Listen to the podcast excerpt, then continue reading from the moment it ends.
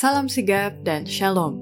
Renungan kita pada hari ini, Rabu 18 Mei 2022, berjudul Pertobatan Salomo.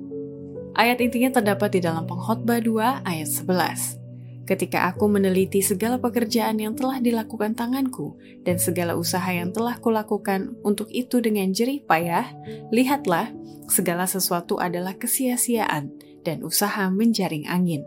Memang tak ada keuntungan di bawah matahari. Pena Inspirasi menuliskan yang dimaksud dengan judul renungan kita pagi ini, Pertobatan Salomo, dan makanya kita perlu mencari Tuhan dan segala yang tidak berkenan baginya, jauhilah hal-hal ini. Ikuti kebenaran, agar kita dapat merasakan kasih Allah yang tiada bandingnya itu adalah sebagai berikut. Pertama, kisah pertobatan Salomo yang telah dua kali melihat Tuhan di Gibeon, namun ia masih tetap menyimpang dari perintah Tuhan. Maka kini Tuhan menunjukkan murkanya kepada Salomo.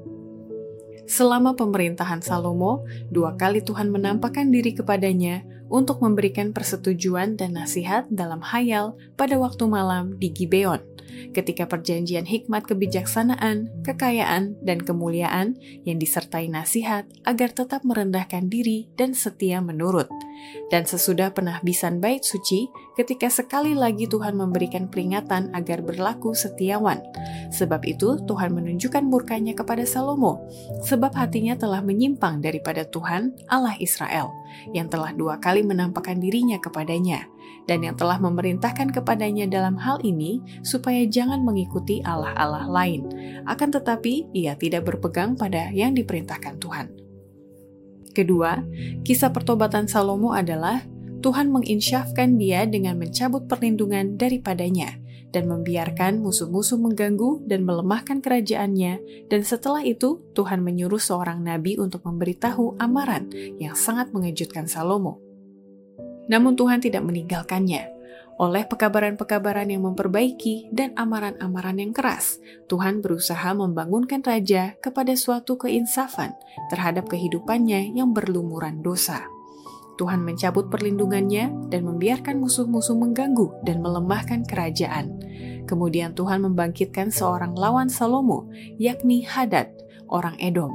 Allah membangkitkan pula seorang lawan Salomo, yakni Rezon, kepala gerombolan yang muak akan orang Israel dan menjadi raja atas Aram. Juga Yerobeam, pegawai Salomo, seorang tangkas. Inilah alasannya mengapa ia memberontak terhadap raja. Pada akhirnya Tuhan melalui seorang nabi memberikan amaran yang mengejutkan kepada Salomo. Ketiga, kisah pertobatan Salomo adalah setelah Tuhan menghukum dia dan seisi rumahnya, ia menjadi sadar dengan mulai melihat kebodohannya di dalam terang yang benar, dan kemudian ia berbalik meninggalkan kebodohannya itu dan memandang sinar pengharapan di dalam amaran yang diberikan Tuhan kepadanya. Seolah-olah bangun dari sebuah mimpi oleh hukuman pengadilan yang dijatuhkan kepadanya dan seisi rumahnya. Salomo dengan cepat menjadi sadar, mulai melihat kebodohannya di dalam terangnya yang benar Disucikan dalam roh dengan pikiran dan jasmani yang lemah, ia berbalik dalam keadaan letih dan haus dari tempat air duniawi yang pecah untuk sekali lagi ingin minum dari sumber air kehidupan. Pada akhirnya, disiplin penderitaan menyelesaikan pekerjaan disiplin itu baginya. Telah lama ia dihantui oleh perasaan takut binasa oleh sebab ketidaksanggupannya berbalik meninggalkan kebodohan. Tetapi sekarang, ia melihat sinar pengharapan di dalam amaran yang diberikan kepadanya. Keempat, kisah pertobatan Salomo adalah ia cepat mengenal dan menyambut kuasa dan belas kasihan dari Tuhan, dan makanya ia segera mengakui kesalahannya dan berusaha mencegah orang-orang lain agar jangan pernah mengikuti kebodohannya di masa lalu itu. Syukurlah Salomo mengenal kuasa dan belas kasihan dari Sabtu yang lebih tinggi. Dalam penyesalan, ia mulai menelusuri langkah-langkahnya ke arah agungnya, taraf kesucian dan kemurnian dari mana ia telah jatuh sedemikian jauh. Ia tidak pernah dapat berharap untuk luput dari peledakan akibat-akibat dosa. Ia tidak pernah dapat membebaskan pikirannya dari segala kenangan jalan pemanjaan diri yang ia kejar-kejar selama ini. Tetapi ia dapat berusaha dengan sungguh-sungguh untuk mencegah orang-orang lain mengikuti kebodohan itu.